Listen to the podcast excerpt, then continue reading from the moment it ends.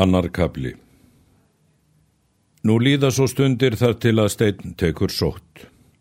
Hann lýsir yfir því að hann myndi eigi fleiri sóttir taka og hvað sé þessa myndu einlýta til bana. Hann mælti þá við þorgerði konu sína. Það vildi ég að þú seldi land þitt eftir dauða minn og færir vestur á barðaströnd til gests bróður þins.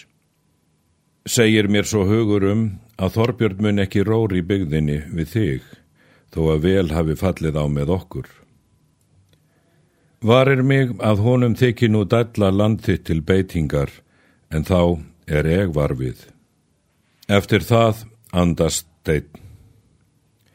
Núna er Þorgerður eigi að lóa landinu, því að henni síndist að fagurt og að flestu gott. Og er eigi liðu langar stundir, vestnaði fjárvaraveðslan Þorbjarnar. Gengur nú fjehans á engjum Þorgerðar nótt með degi. Svo gerist að þessu mikil gangur að það býtur upp alla töðuna og var það tvo vetur að búfjönu var frá að lóa fyrir heileysi. Þorgerður rætti oft um við Þorbjörn að hann skildi fjöð betur varveita og stóðar það ekki.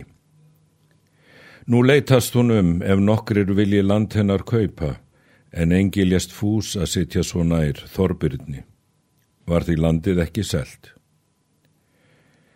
Þess er við getið að sámaður var þar í héruðum er barði hétt manna minnstur.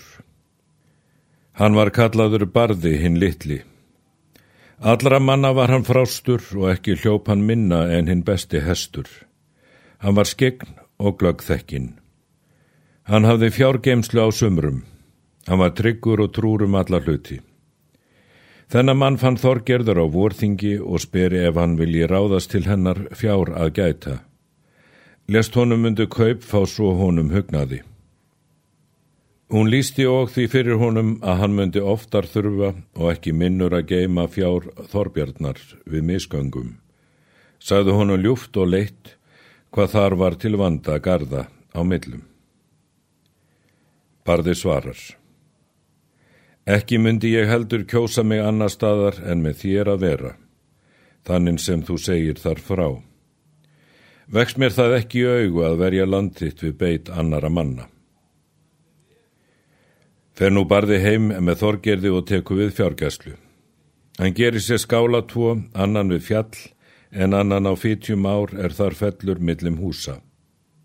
Hann hefur þar náttból einart og varðar svo fyrir Þorbjarnarland Þorgerðar að það kemur aldrei yfir ána.